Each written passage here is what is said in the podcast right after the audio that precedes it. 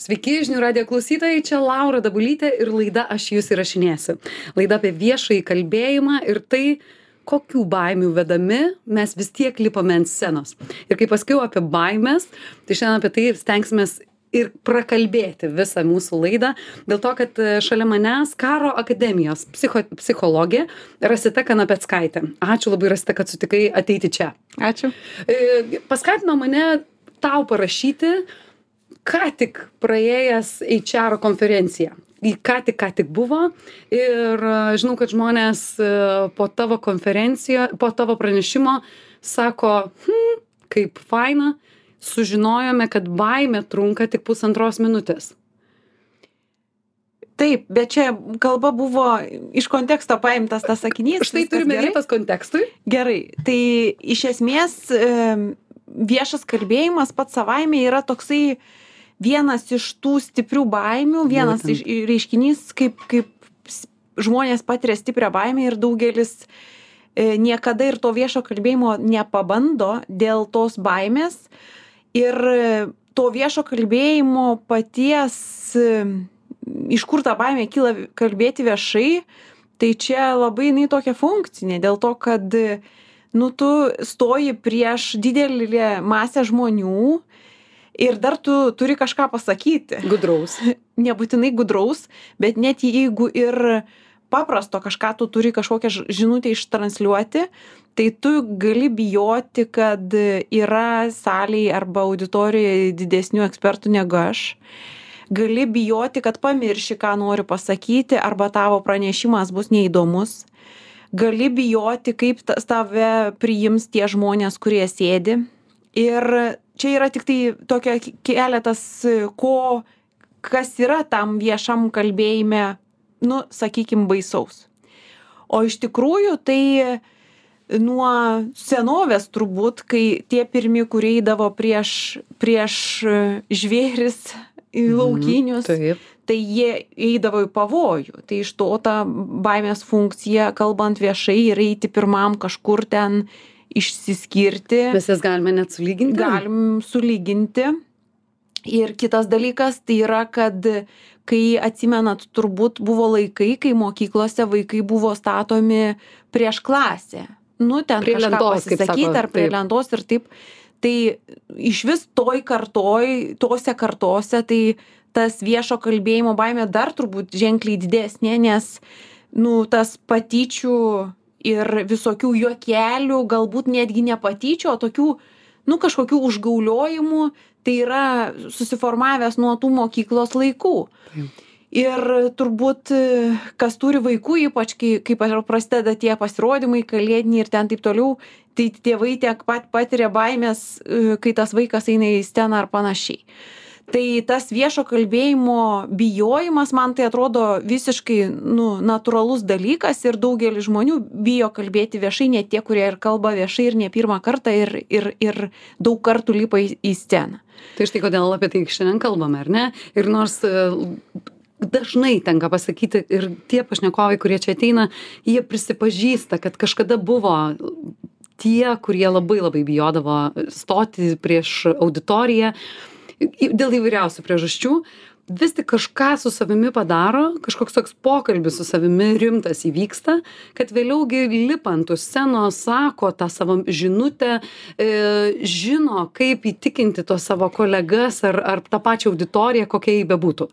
Laura bet daugelis iš jų net ir žinodami ir lipdami ir entąjį kartą vis tiek tos baimės ir nerimo patiria tiktai jos mastas ir lygis nu nebeparalyžiuoja arba dar kitaip pasakius tu žinai atpažįsti ją ir atpažįsti. Tu su jie susidraugauji. Taip, tarsi. atpažįsti ir su jie kartu eini į tą Būtent. sceną ir jinai yra tiek, kiek jai norisi būti ir tu vis tiek eini. Ir kitas... Aš dar kitaip prasta pasakysiu, mano, pavyzdžiui, atveju aš net ieškodavau to jausmo. Tu su, suvoki, kad pradeda nebejaudinti. Mm -hmm. Supranti, kad E, ir viena auditorija tokia, nueisiu, pasakysiu, kasgi čia bus, ir kita auditorija tokia pati.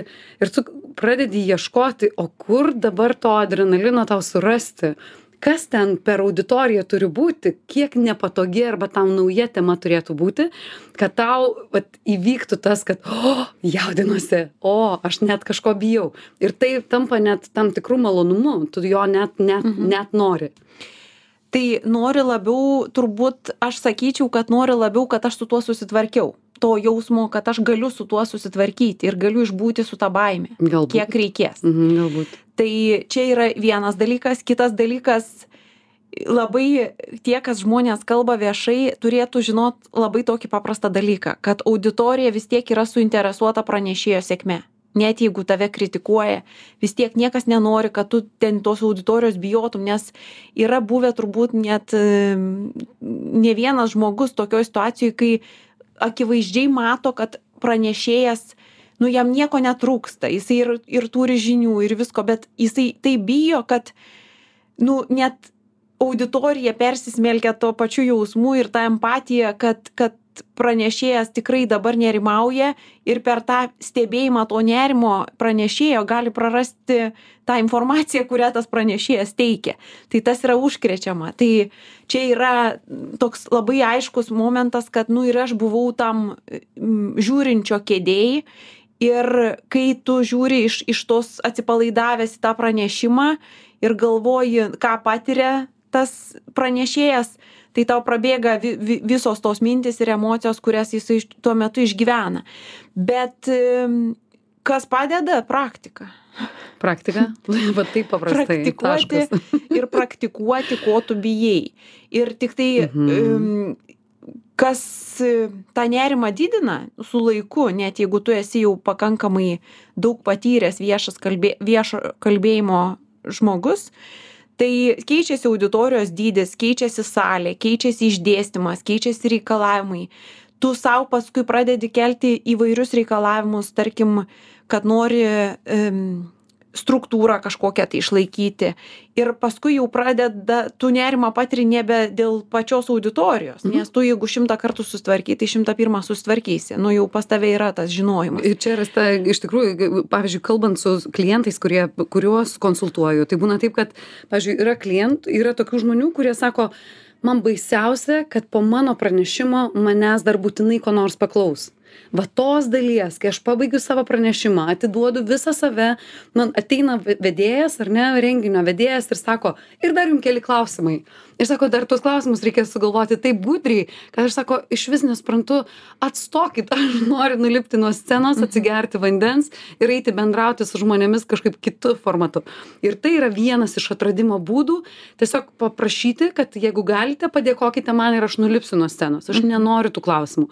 Kitigi, pavyzdžiui, būna tai, kad sako, aš labai nenoriu saky, skaityti pranešimo, ta prasme, nenoriu jo sakyti, mokytis, bet žinių turiu tiek, kad jeigu mane pradėtų kviesti į diskusijas, aš labai labai ramiai galėčiau ten būti. Jeigu būsiu tarp dar dviejų kitų e, kalbėtojų, trijų, keturių, kiek ten paneliniai diskusijai gali būti, aš galiu iš karto eiti, man gali, va aš ten jausiuosi gerai. Jeigu tik jūs mane pastatysite vieną, paliksite be tų foteliukų mažų, kuriuose visai jauku, va tada aš ir vėl pradėsiu bijoti. Tai va ką, ką, ką tu minėjai apie tai, pradėti atpažinti, tai kas yra, va kas, to, kas būtent toje baimėje yra. bet kita vertus aš tai siūlyčiau ne tik kad atpažinti kad ir prašyti nu tu eini į komfortą Mhm. jeigu tu prašai tos panelinės diskusijos Jeigu yra galimybė rinktis. bet jeigu tu eini su tikslu kad tu vis tiek kažkada tai eisi ant scenos ir kalbėsi vienas jeigu tu turi tokį tikslą ne visiem reikia ir ne visi nori tai tada vis tiek treniruotis nu skirtumas labai didelis ar tu sėdi trise ir diskutuoji ir pasisakai tiktai tada kada jau tu tikrai tikrai žinai o tu kai eini dar su klausimais tai tu eini į neapibrėžtumą Būtent. bet kita vertus tai parodo ir kiek tu toj toj temoj nu kiek tu Ekspertas, giliai esi būtent. ten Kiek tu pasi- įsigilinęs Jo, kiek tu nes pasiruošai, jo, jeigu kiek. tu ruošiesi tai Mhm. aš e, ypač kariūnam dažnai sakau kai atsisakai ruoštis pasiruošk pralošti Tai geras. tai yra dėl to kad tu vis tiek turi ruoštis nes tu nežinai kas tavo auditorija ir dar turi pasiruošk planą b ir c. Neveiks projektorius dar kažkas tai pasidarys. Ir jeigu tu pasiruoši tai tu turi ir planą b ir planą c ir tu gali su tuo tvarkytis. Ir čia, Rasta, truputėlį dar ir pavyzdžiais pasakykim gerai klausytojams, kad tas planas B ir C, tai gali būti, jūs galite pradėti savo, pavyzdžiui, kalbą nuo tam tikro humoro, ar ne, tam tikros situacijos nupasakojimo, tam tikro klausimo uždavimo auditorijai, pavyzdžiui, nežinau, kiek iš jūsų šiandien atvykote Taip. savo automobiliais arba paspirtuku, nesvarbu kokiu oru, ar ne? Ir iš to, kaip ta auditorija sureaguos, jūs žinosite, kad gerai, imamės plano B, nes čia auditorija, kurioje nieko jos negaliu klausti. Net ir, pavyzdžiui, užsidarė. taip arba tarkim tu nelabai supranti kiek užtruksi o tu tavo laikas ten toks tai tu vėl turi turėt kažkokį tai saldainį ar kažką tai auditorijai yra daug dalykų kurie yra išmokstami ir iš išsipraktikuojami. Tai man atrodo geresnės negu eksperimentuoti. Dar irgi aš kariūnus visą laiką mokau sakyti kad jum kai reikia stovėti prieš prieš karius tarkim būrys ten ar kuopa tai yra ar trisdešim žmonių ar devyniasdešim skirtingas dalykas ar ne? Nu skirti skiriasi. Penkiem šimtam sakyt dar kitaip. Tai Taip. ta auditorijos dydis ir ypač jeigu ten yra tau svarbių žmonių arba autoritetų arba pažįstamų žmonių tai tave tave tavo baimė nemažėja bet didėja. Atrodo jie tave palaiko ir realiai palaiko bet tavo atsakomybė ir ir tas yra didesnis tai aš siūlau tai eksperimentuoti. Nu vat dabar darau tokį eksperimentą. Kodėl? Todėl kad sau kai pasakai kad darai eksperimentą tai turi teisę suklysti. Tikrai taip. ir kai tu tą eksperimento sąvoką naudoji kad va dabar aš pabandysiu nes aš noriu ir aš noriu tą pranešimą ar ten kažkokį tai renginį vesti ar kažką tai padaryti geriau negu praeitą kartą tai ir ir noriu šitoj srity tobulėti nu tai tada tu eini į tas patirtis mokymasis komforte nelabai vyksta ir tu ne neišsiprašysi visų renginių vedėjų kad tu vien tik panelinėse diskusijose dalyvauji Bet rasta, kita vertus, šioje vietoje, ką sakyti žmonėms, kurie sako, nėra tų renginių tiek daug. Yra, aš per metus pasisakau keturiose mhm. didelėse konferencijose. Neturiu savo teisės sakyti, kad uh, vat, dabar paeksperimentuosiu šitaip, o va dabar šitaip. Nu, tarsi norisi jau į tas keturias, tai nueiti jau taip blitz pasiruošus, jau taip Nu, labai labai. blitz pasiruošus yra Toastmasters ir visokių kitokių viešo kalbėjimo klubų, kur tikrai gali tos patirties Mhm, įgyti ir mhm. dar pasidalinti su kitais. Mhm. Nes tokių kaip tu arba aš, nu, kurie kažką tai daro, kažkur tai ten sako, yra ne vienas ir jeigu tu tikrai pradėtum ieškoti, kas norėtų pasipraktikuoti, tai tikrai atsirastų. Tai, pavyzdžiui, kai su, kai, kai su kariūnais kalbat, kiek laiko jiems, vat, sakote, kad reikėtų ruoštis pranešimui? E, Žinokit, nu, priklausomai, ką jie ten nori pasakyti. Jeigu jie ten skelbia kažkokį tai įsakymą arba kažką tai daro, kas tai yra jų rutina kiekvieną Taip. dieną, tai jie paskui jau to tikrai nebebijo. Nu, tikrai. taip įdomu, nes atrodo, kad jie gimė Jie sakyti negimė, jie įstatymus. daug pasipraktikavę. Jie tiesiog daug, Taip. gali būti, kad net įsakymo sakymas, jis gali būti toks Tai yra, suprantat, ten yra įsakymo skelbimas ir jisai nėra ten iš trijų žodžių pasakymas, jisai yra Taip. pakankamai platus. Tai jiem reikia tą daryti. Kita vertus, tai ne visiems patinka tai, ką tu sakai. Nu, nu nes toks... Grįžtamasis ar ne? ryšys, netgi energetinė prasme, ne, ne, ne, energetinė, bet, bet tiesiog, kad bet kokiu atveju, Laura, ar su kariais dirbant, ar su medikais, ar su mokytojais, ar su kažkuo, susiformuoja ta pati klasė. Atsiras, kurie tave provokuos. Tu Mhm. turi tą žinot. Atsiras, kurie klaus tau klausimus užduos, nes jeigu, ne, net jeigu viską žinos, arba galvos, kad jie žino geriau. Nu taip yra. Mhm. Ir atsiras tikrai dalis ir nemaža žmonių, kurie tave palaikys bet kokiu oru ir bet ką tu pasakytum ir tave supras. Tai... Fanai vadinamieji. nu tuos fanus labai sunku pastebėti jeigu pirmą kartą arba keturis kartus per metus tu ten skaitai tą pranešimą arba ten darai ten kažkokį tai tai kažkokią praktiką bet esminis dalykas vis tiek reikia susirasti ir akių kontaktą palaikyti būtinai su tais kurie kurie tau mm, palankūs dėl to kad ir provokatorius o su provokatoriais irgi galima dirbti juos galima įdarbinti nu Čia labai įdomu. Pat- Jeigu gali truputėlį daugiau. tai Ką daryti su provokatoriais? Kaip tu sakai, bet kokia auditorija? Čia ga- gali būti kariūnai, gali būti medikai, kas, visi kas, kas nori. ta prasme, taip. visi žmonės Taip. bet kokiu atveju jie sueina į tą klasę nežiūrint kiek jiem amžiaus ir kokį išsilavinimą jie beturėtų Tokie skeptikai Ir ką vadinami. daryti su tais provokatoriais, nu tai ką, vienas gali stebėti laiką ir pasakyti, kiek kartų aš pakartojau žodį tą prasme, Arba iš ar ne. tikrųjų. nu kažkokį tai, kurį, nu, Realiai tai. kurį, kurį. Ir jisai turi darbo per tą visą pranešimą stebėti, kiek aš kartų suklydau, arba ten kiek kartų užsikirtau, kiek kartų aš pasižiūrėjau ten į lubas. Tai įvairių dalykų ir čia yra tik tai irgi praktikos klausimas, nes, nu, kuo tu daugiau darai, tai tuo daugiau tu pamatai, pamatai tų ir provokatorių, kaip ir tu su tais klausimais. Nu, va, užduoda tau klausimą tokį, kaip ir nepiktybiškai, bet galbūt tu, tu, tu vis tiek, e, nu, nenori arba tau ka- kažkaip e, dėl kažkokių tai priežasčių tau yra, tai yra neetikos klausimas arba kažkas. Tai su tuo irgi reikia tvarkytis kažkaip tai tam kalbėtojui. Mhm. Ir gali būti, kad tai bus trikdis ir paskui žmogus galvos, va vėl man užduos kokį, kažkokį tai ten neetišką klausimą arba kažkokį, kurio šiaip nu, viešoje vietoje nenorėčiau atsakyti, tai tada reikia iš to kažkaip irgi suktis. Bet tai, tai, čia yra klasika tame, Taip. kai mes kalbame su žmonėmis ir sakome, kalbėsime su žiniasklaida. Taip. Žiniasklaida jums uždavinės klausimus. Jis sako, niekada daugiau. Esu Taip. tai patyręs, žinau, kokį klausimą man uždavė, aš negaliu vis dar atsigauti, kaip gali man tai padaryti, mhm. kaip galėjo ten, nežinau, įdėti mano rankas, kur aš ten krapščiau, nežinau, raktą tarp tų savo pirštų, aš supikau ant visos žiniasklaidos, daugiau niekada neduosiu interviu. Mhm. Ir tada po truputėlį, po truputėlį tą žmogų pradėti lūkštenti, kad tas žmogus dirbo savo darbą, jūs labai išaiškingai laikė tuos raktus, o jam reikėjo dengimų, nes to pokalbio tokio ryšlaus gal ir nebuvo ir tikrai tų dengimų reikėjo ne vieno ir ne dviejų, jam kažką vis tiek reikėjo. Koks tavo patarimas? Kaip vat, tuos tokius, žinai, nusivylusius, jau padariusius, jie vadina tai savo klaidomis. Mhm. Tai labai gerai, nes jeigu tu kažką tai darai, tai klaidų vis tiek darysi. Ir darai. Da, Nuolatos. darykim klaidas. Ir tas klaidos kultūros nebuvimas turbūt ir didina va tą va tokį vengimą, paskui eiti kalbėti viešai, net jeigu tu turi ką pasakyti. Ir tas klaidos kultūros įvedimas, kad aš žmogus ir galiu čia suklysti arba pasakyti, kad aš dabar jaudinuosi, nes kalbu šitą temą, o man jinai svarbi.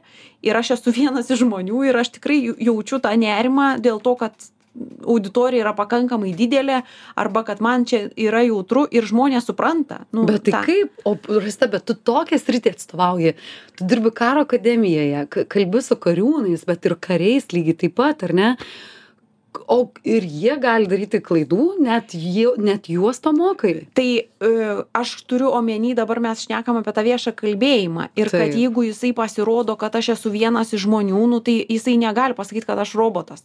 Ir aš neturiu emocijų ir jeigu man ten kažkas tai nutiks tiktai tiek kad nu kariūnai ir kariai patiria įvairių tų patirčių tiek viešo kalbėjimo tiek didelėj auditorijoj kalbėjo jie jie turi daug daugiau Galimybių, galimybių ir turi praktikos labai anksti. Per karo Mhm. akademijos tarkim studijas kurios vyksta keturis metus tai jisai lyginant su kitos aukštosios mokyklos studentu turi daugiau galimybių tiek viešai kalbėti tiek mažai auditorijai tiek didesnei ir kai išeina vadovauti e, būriui trisdešim žmonių nu tai jisai jau vis tiek turi daugiau tų praktikos ir daugiau yra padaręs tų klaidų arba pamatęs kitų kolegų klaidų nes iš kitų irgi mes galim mokytis. Mat tu matai e, ką ką Mhm, jisai padarė ir galvoji kaip jisai tvarkytųsi šitoj vietoj.